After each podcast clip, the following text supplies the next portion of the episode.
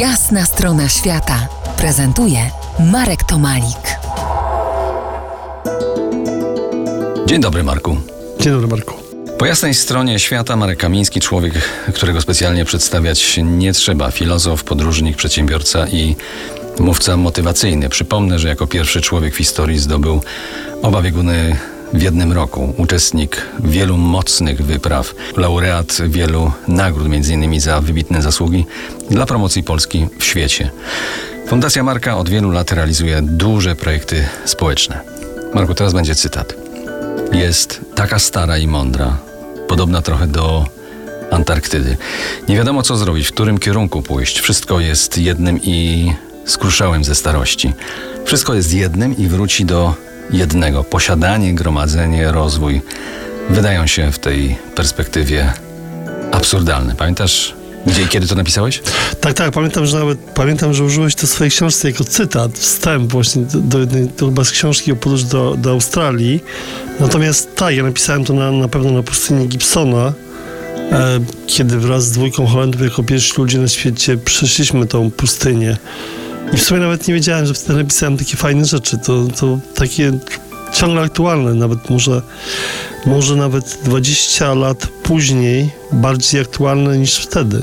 No właśnie, właśnie. To, był, to było z Twojego dziennika podróży z 7 lipca dokładnie 1999 roku, dzień 13 wyprawy Twojej przez pustynię Gibsona w Australii. Z perspektywy czasu i moich wypraw widzę, że w tych słowach em, zawarłeś jedną z lepszych definicji tej ziemi i, i tego kraju. Też tak po latach uważam. Warto pisać, warto pisać jakby tu i teraz.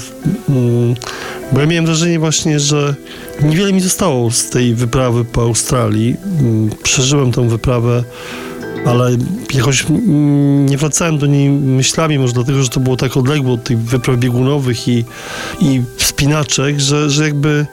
Ale muszę wrócić do swojego dziennika w takim razie jeszcze raz.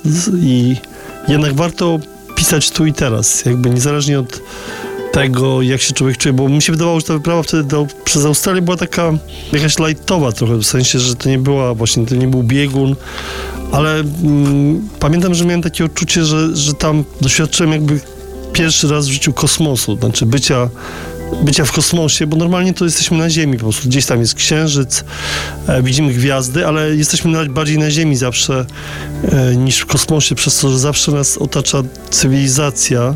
Natomiast na, na biegunach było po prostu cały czas jasno, a tam pamiętam, że niesamowicie było to wrażenie tego kosmosu. Muszę, muszę wrócić do tej wyprawy.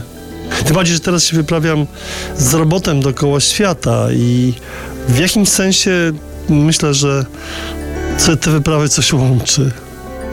Za kilkanaście minut porozmawiamy nieco o filozofii, nie tylko filozofii podróżowania. Zostańcie z nami po jasnej stronie świata. To jest Jasna strona świata w RMS Classic.